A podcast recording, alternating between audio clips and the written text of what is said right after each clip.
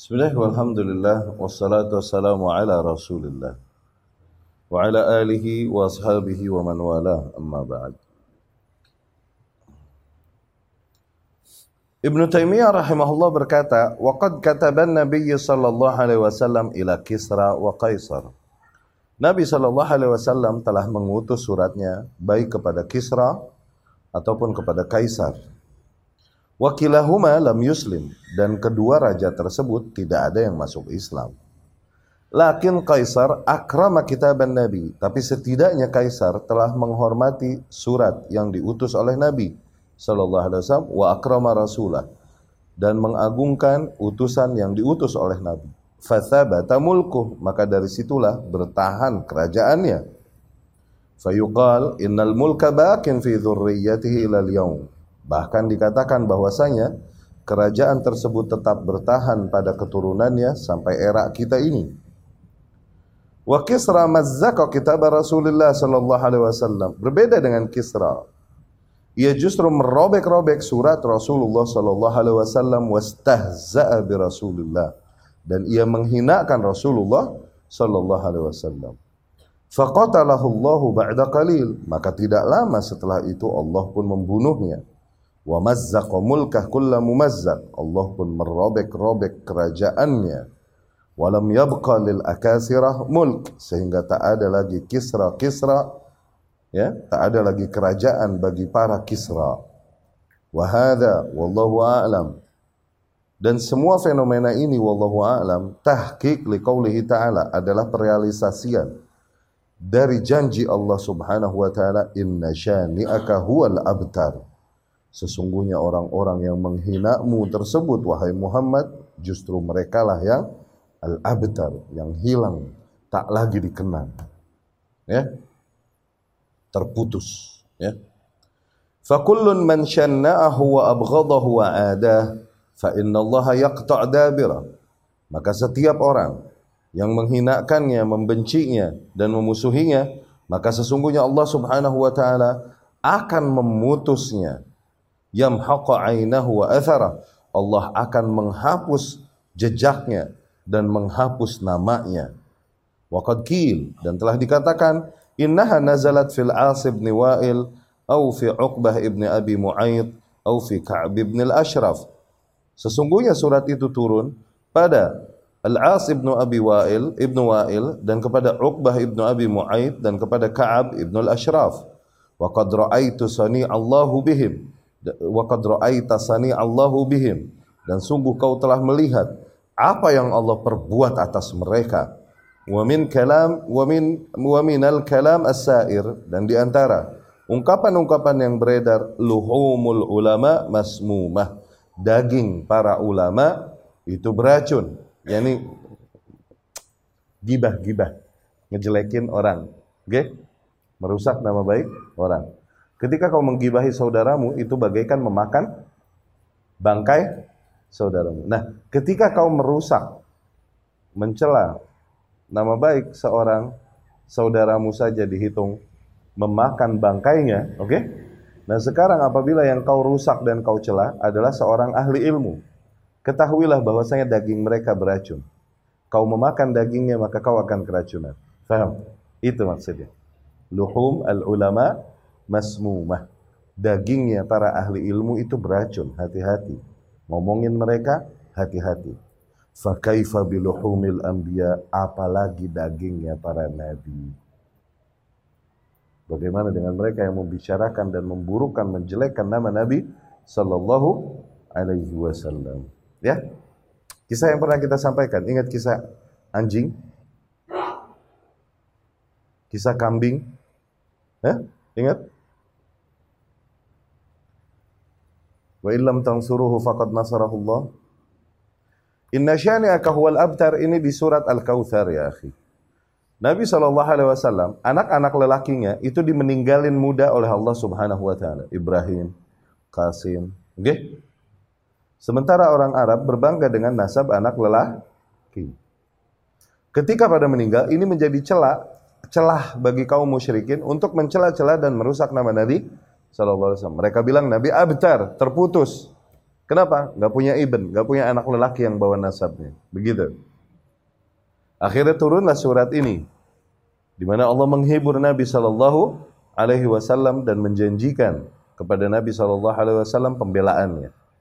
Inna a'tayna kal kautsar. Sesungguhnya kelak kami akan berikan kepadamu al kautsar. Al kautsar yakni telaga Nabi Shallallahu Alaihi Wasallam di akhirat kelak nanti di surga. Ya.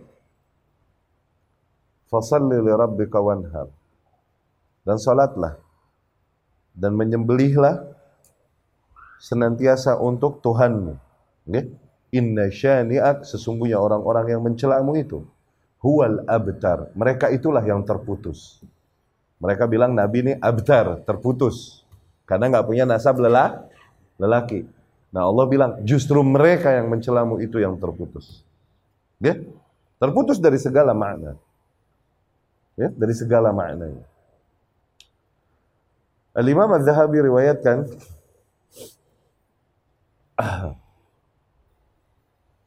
di zaman Mongol ketika Mongol menginvasi negeri-negeri kaum muslimin di Syam. Mongol ini gabung sama Nasrani untuk melakukan proses tansir kristenisasi di negeri-negeri kaum muslimin di Syam. Oke? Tersebutlah seorang pembesar Mongol masuk Nasrani, Tanassar. Oke? Dibaptis. Aqadu lahu haflah azimah. Akhirnya mereka membuat sebuah acara yang begitu besar untuk hal tersebut. Dan pada saat itu ada pendeta di antara pendeta-pendeta tokoh Nasrani. Ia naik mimbar dan berbicara di dalam acara itu.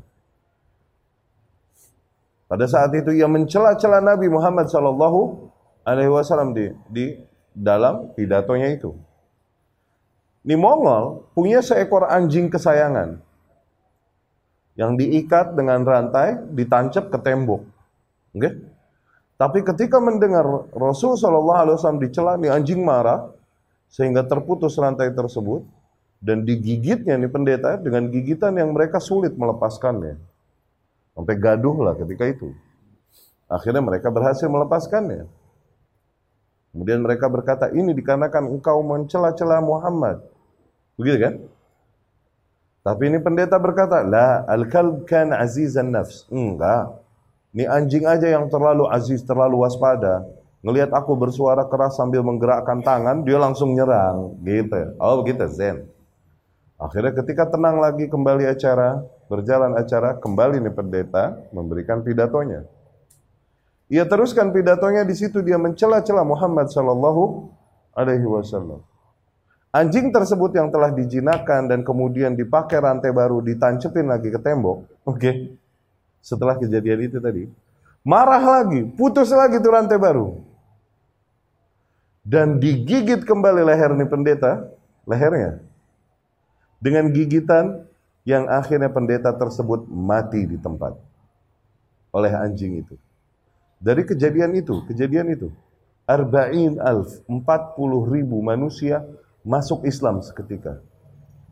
40 ribu orang syahadat langsung. Mendengar kejadian itu pada saat itu. Ini riwayat diriwayatkan Imam Zahabi. Illam tangsuru faqad nasarahullah. Kalian nggak punya kekuatan, nggak punya power, menolong Rasul Shallallahu Alaihi Wasallam. Allah sendiri yang turun tangan nolongin Rasul. Tenang.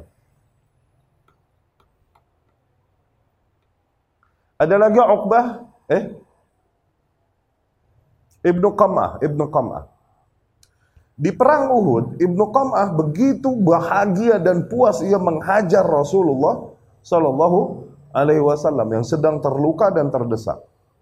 Dihajarnya Rasul Shallallahu Alaihi Wasallam sehingga terdapat pecahan besi yang menancap di khad di tulang sini Rasul Shallallahu Alaihi Wasallam. Pecahan besi yang begitu sulit untuk dicabut, sehingga akhirnya yang mencabutnya nanti adalah Abu Ubaidah ibn Jarrah sehingga dia ompong giginya dikarenakan cabut inian besi yang nancap di muka Rasul. Dihajar sebelah kanan kena mukanya. Dihajar sebelah kiri lagi sama Ibnu Qamah kena mukanya. Sepuas-puasnya dihajar Rasulullah sallallahu alaihi wasallam sambil berkata khudha wa ana ibnu Qamah. Makan tuh. Nih gua Ibnu Qamah katanya begitu. Rasul pun sallallahu alaihi wasallam berkata, "Akma'akallah." Allah akan merobek-robekmu.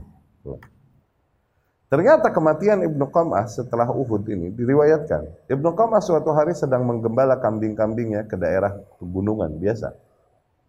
Tiba-tiba kambing-kambingnya marah, tahu-tahu diseruduk-serudukin dia sama kambingnya. Terus diseruduk-serudukin sampai mati dan semua tulang yang ada padanya remuk-remuk. Ibnu Qam'ah. Lihat lihat riwayatnya. Nggih? Ilam tansuru faqad nasarahullah. Kau tak, tak berani membela Rasul. Kau tak mau mengambil resiko untuk membela sunnahnya, mengingkari apa-apa yang menjadi bid'ah dan mengotori kemurnian sunnahnya. Allah yang akan menolong Rasul. Allah tak membutuhkan pertolongan manusia. Jika kau mengambil jalan itu, itu keuntungan dan kebaikan untukmu, bukan untuk Allah Subhanahu wa taala. Kehormatan dan kebaikan untukmu sendiri ketika kau berani mempertaruhkan apa yang ada padamu. Demi membela Rasul, mempertaruhkan keselamatanmu, keluargamu, kenyamananmu, nama baikmu, demi membela Rasul sallallahu alaihi wasallam, keuntungan, kebaikan dan kemuliaannya itu bagimu. In ahsantum ahsantum li anfusikum. Kalau kalian berbuat ihsan, sesungguhnya kalian berbuat ihsan bagi diri kalian sendiri. Ya, dan kalau kalian nggak mau bela Rasul, Allah yang belain. Allah yang jaga Rasul sallallahu alaihi wasallam. Ya,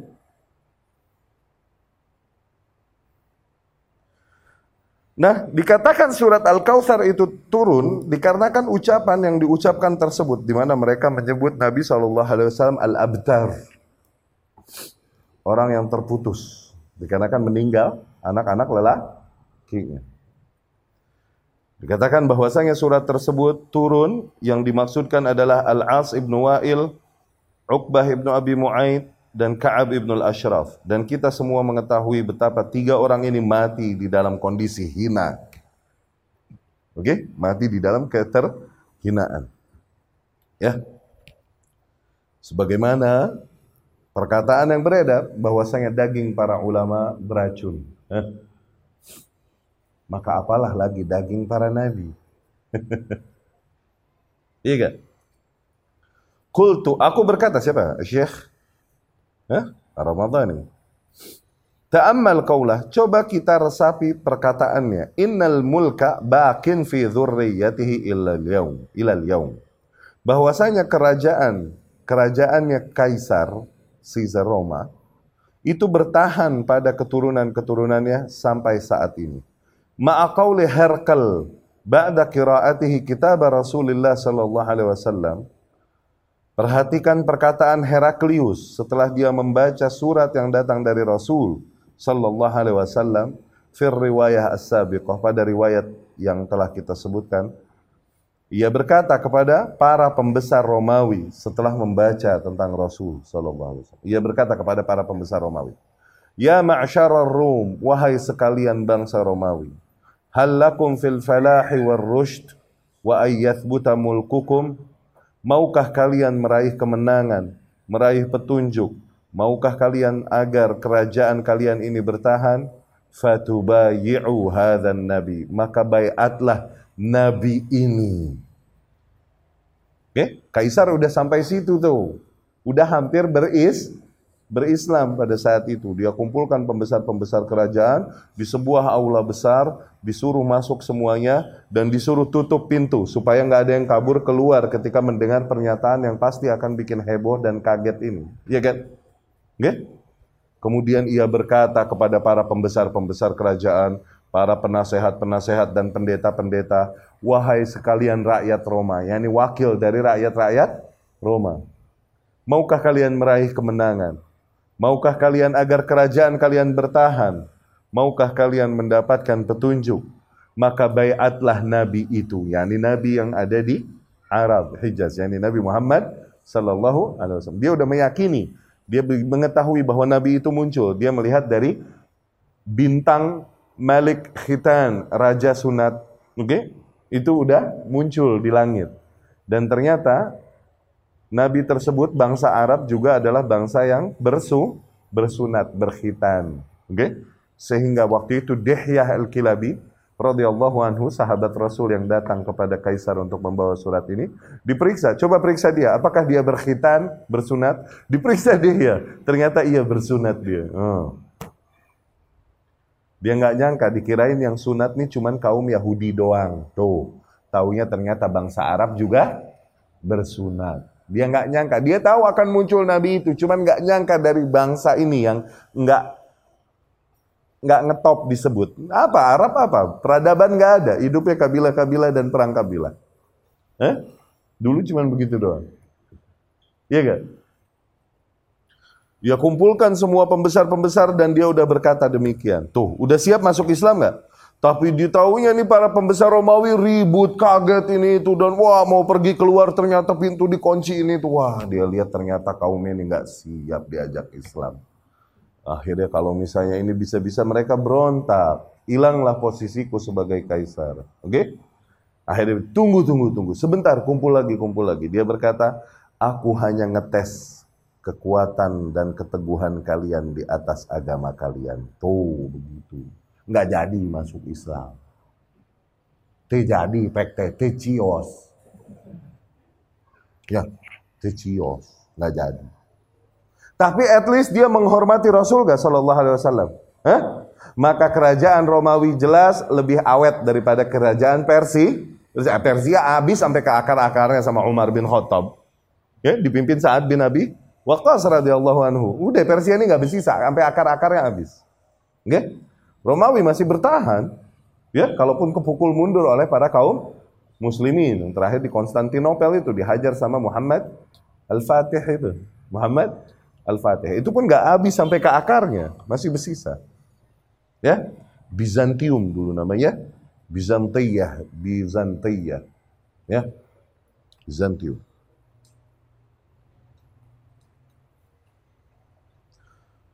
ونظير هذا ما حدثناه أعداد من المسلمين العدول أهل الفقه والخبرة أما جربوه مرات متعددة في حصر الحصون والمدائن التي بالسواحل الشامية ابن تيمية berkata sama seperti kejadian ini tuh sama Seperti apa yang telah disampaikan kepada kami oleh para ahli fikih dan orang-orang yang berpengalaman di di zaman kami, yakni zamannya Ibnu Taimiyah hidup. Oke? Okay?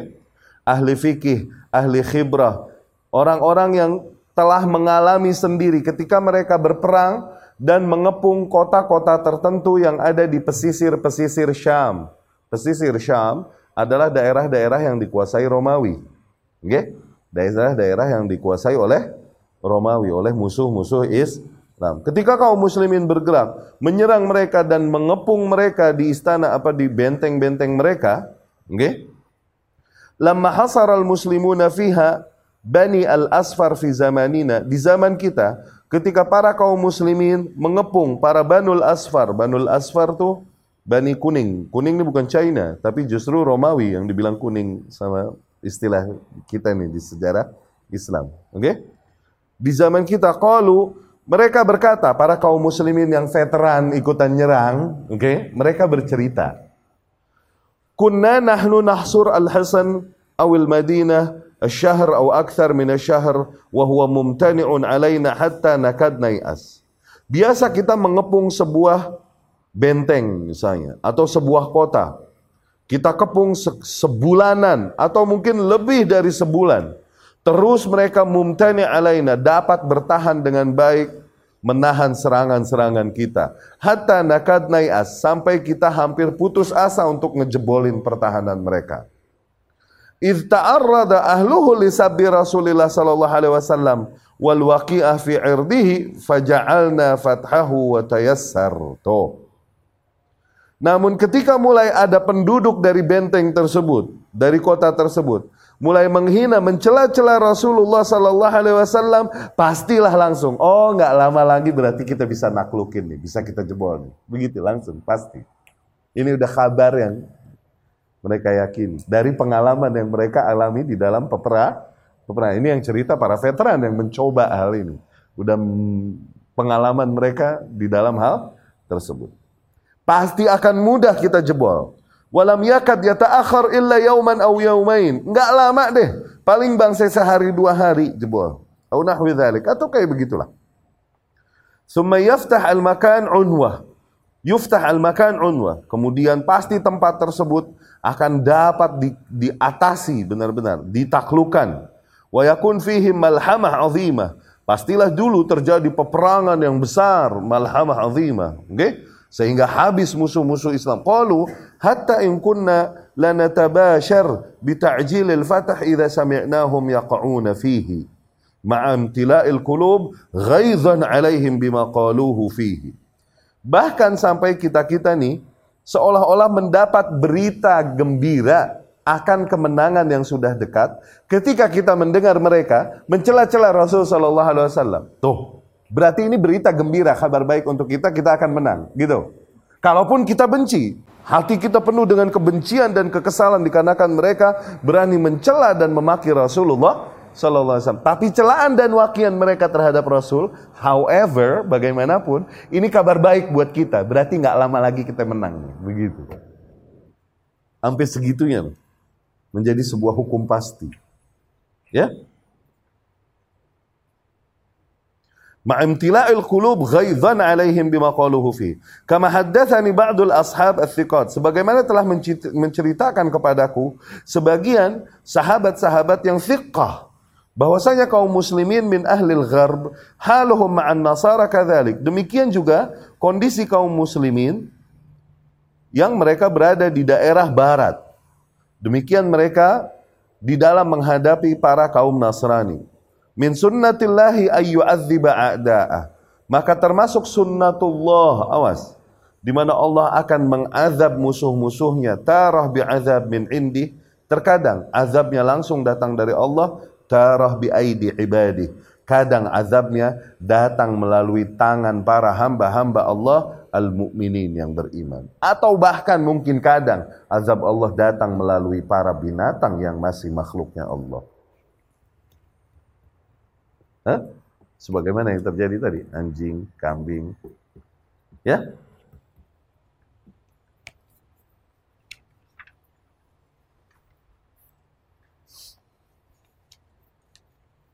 Ibnu Taimiyah rahimahullah masih berkata, surat Al-Kautsar betapa mulianya surat tersebut.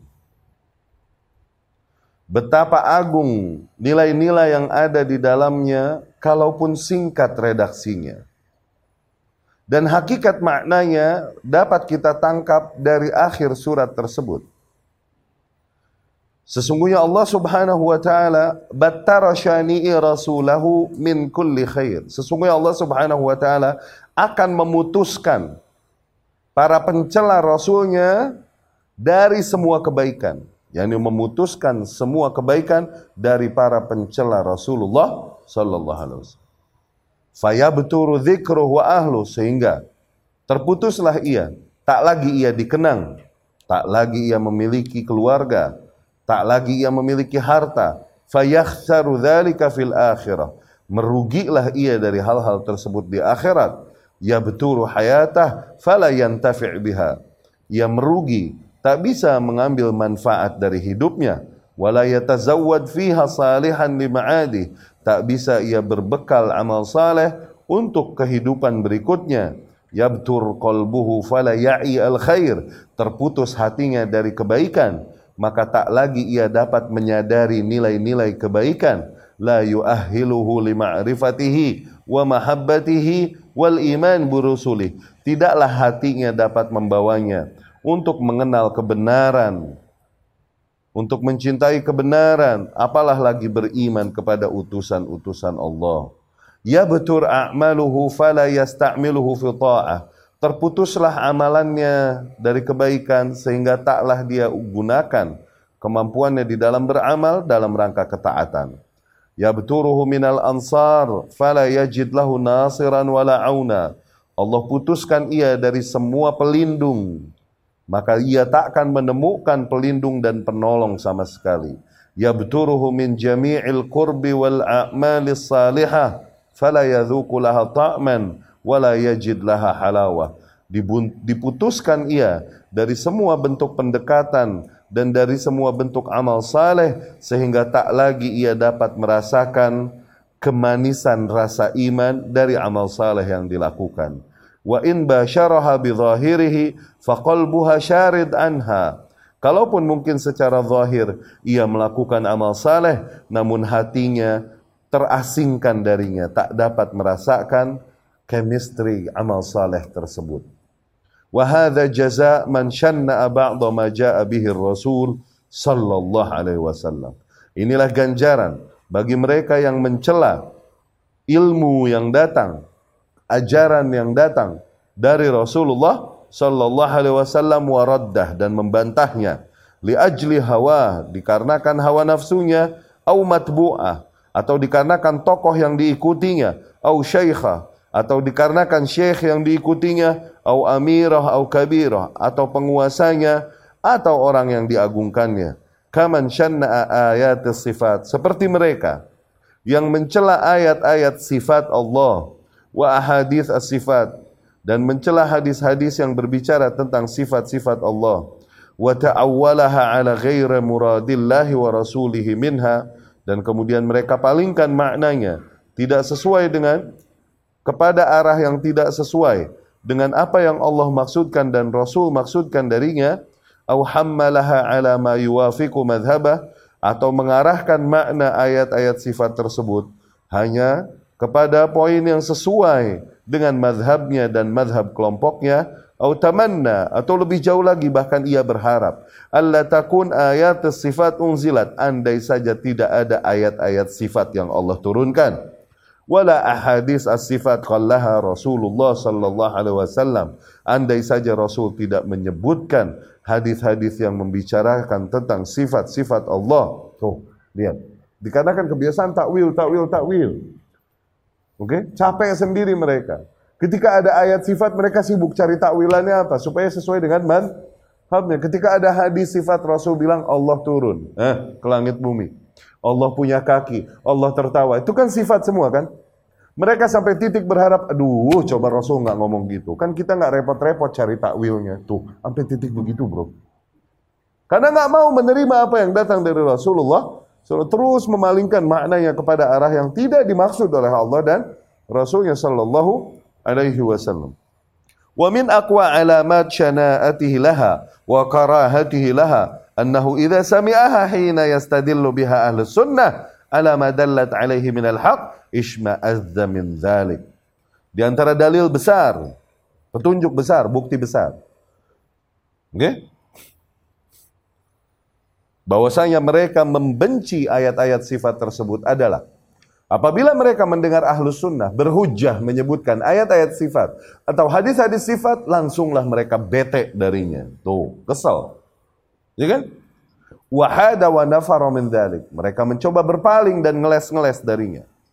Lima fi qalbihi minal bughdi laha wa nufrah anha. Dikarenakan pada dasarnya memang di hatinya terdapat kebencian kepada sifat-sifat tersebut dari ayat-ayat dan hadis sifat tersebut. Fa ayyu syani'i lirrasul a'zam min hadha? Maka kebenci, bentuk kebencian apa lagi yang lebih besar kepada Rasul sallallahu alaihi wasallam daripada apa yang mereka lakukan ini para ahli takwil. Begitu. Wa kadza min athar man athar kalamin kalaman nasi wa ulumahum 'ala al-Qur'an was sunnah. Demikian juga orang-orang yang lebih mengutamakan pendapat-pendapat para manusia dan ilmu-ilmu yang ada pada para manusia daripada keterangan yang datang di dalam Quran dan Sunnah. Falaula annahu syani'i lima ja'a bihir rasul ma fa'ala dhalik. Kalaulah mereka bukan pencela keterangan yang datang dari Rasulullah sallallahu alaihi wasallam, sungguh mereka takkan melakukan hal itu.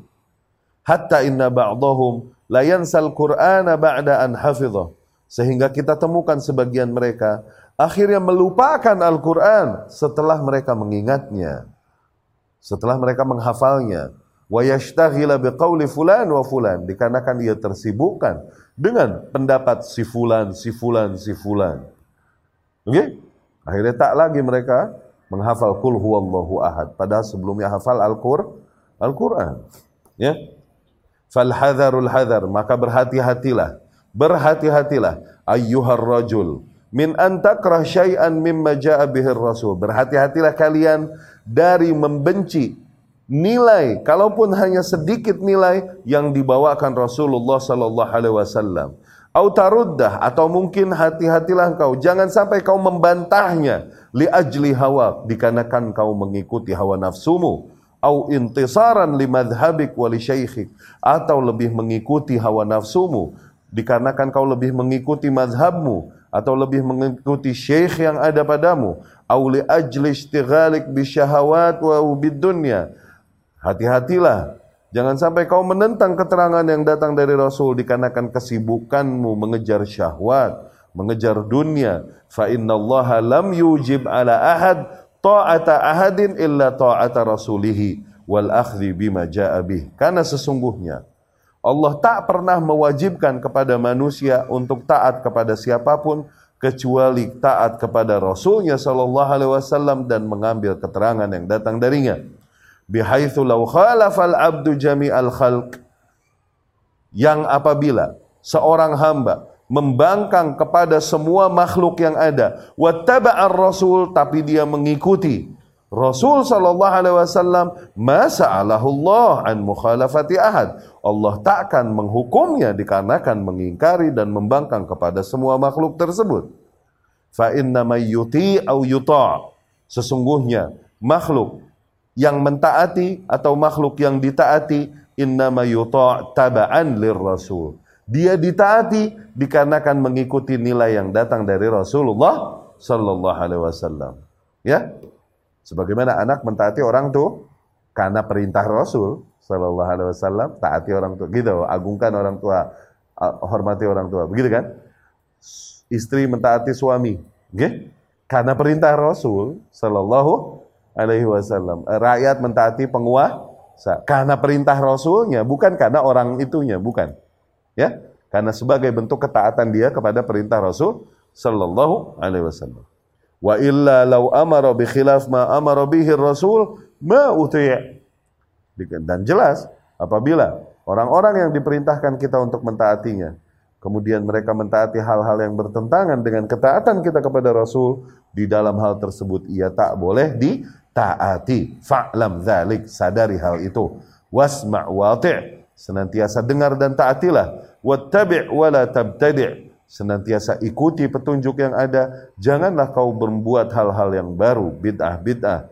Takun abtar mardudan alaik amaluk. Sehingga terputuslah dari muamalanmu tertolak bagi muamalanmu balla khaira fi amalin abtar minal ittiba. Bahkan sama sekali tidak ada kebaikan di dalam sebuah amal saleh yang terputus dari nilai ittiba kepada Rasul. Wala khaira fi amilih tidak ada pula kebaikan bagi orang yang mengamalkannya. Wallahu a'lam. Itu yang diucapkan Ibnu Taimiyah rahimahullah di dalam Majmu'ul Fatawa. Ya. Tapi ikhwah, kita cukupkan sekian. Afwan, Anda nggak terima pertanyaan. Flu habis. Terima kasih atas perhatian dan waktunya. Semoga dapat difahami. Pertemuan yang akan datang, kita lanjutkan di Al-Aslu Al-Khamis. Fondasi yang ke-6. Ya. Subhanakallahumma rabbana wa bihamdika أشهد أن لا إله إلا أنت أستغفرك وأتوب إليك. السلام عليكم ورحمة الله وبركاته.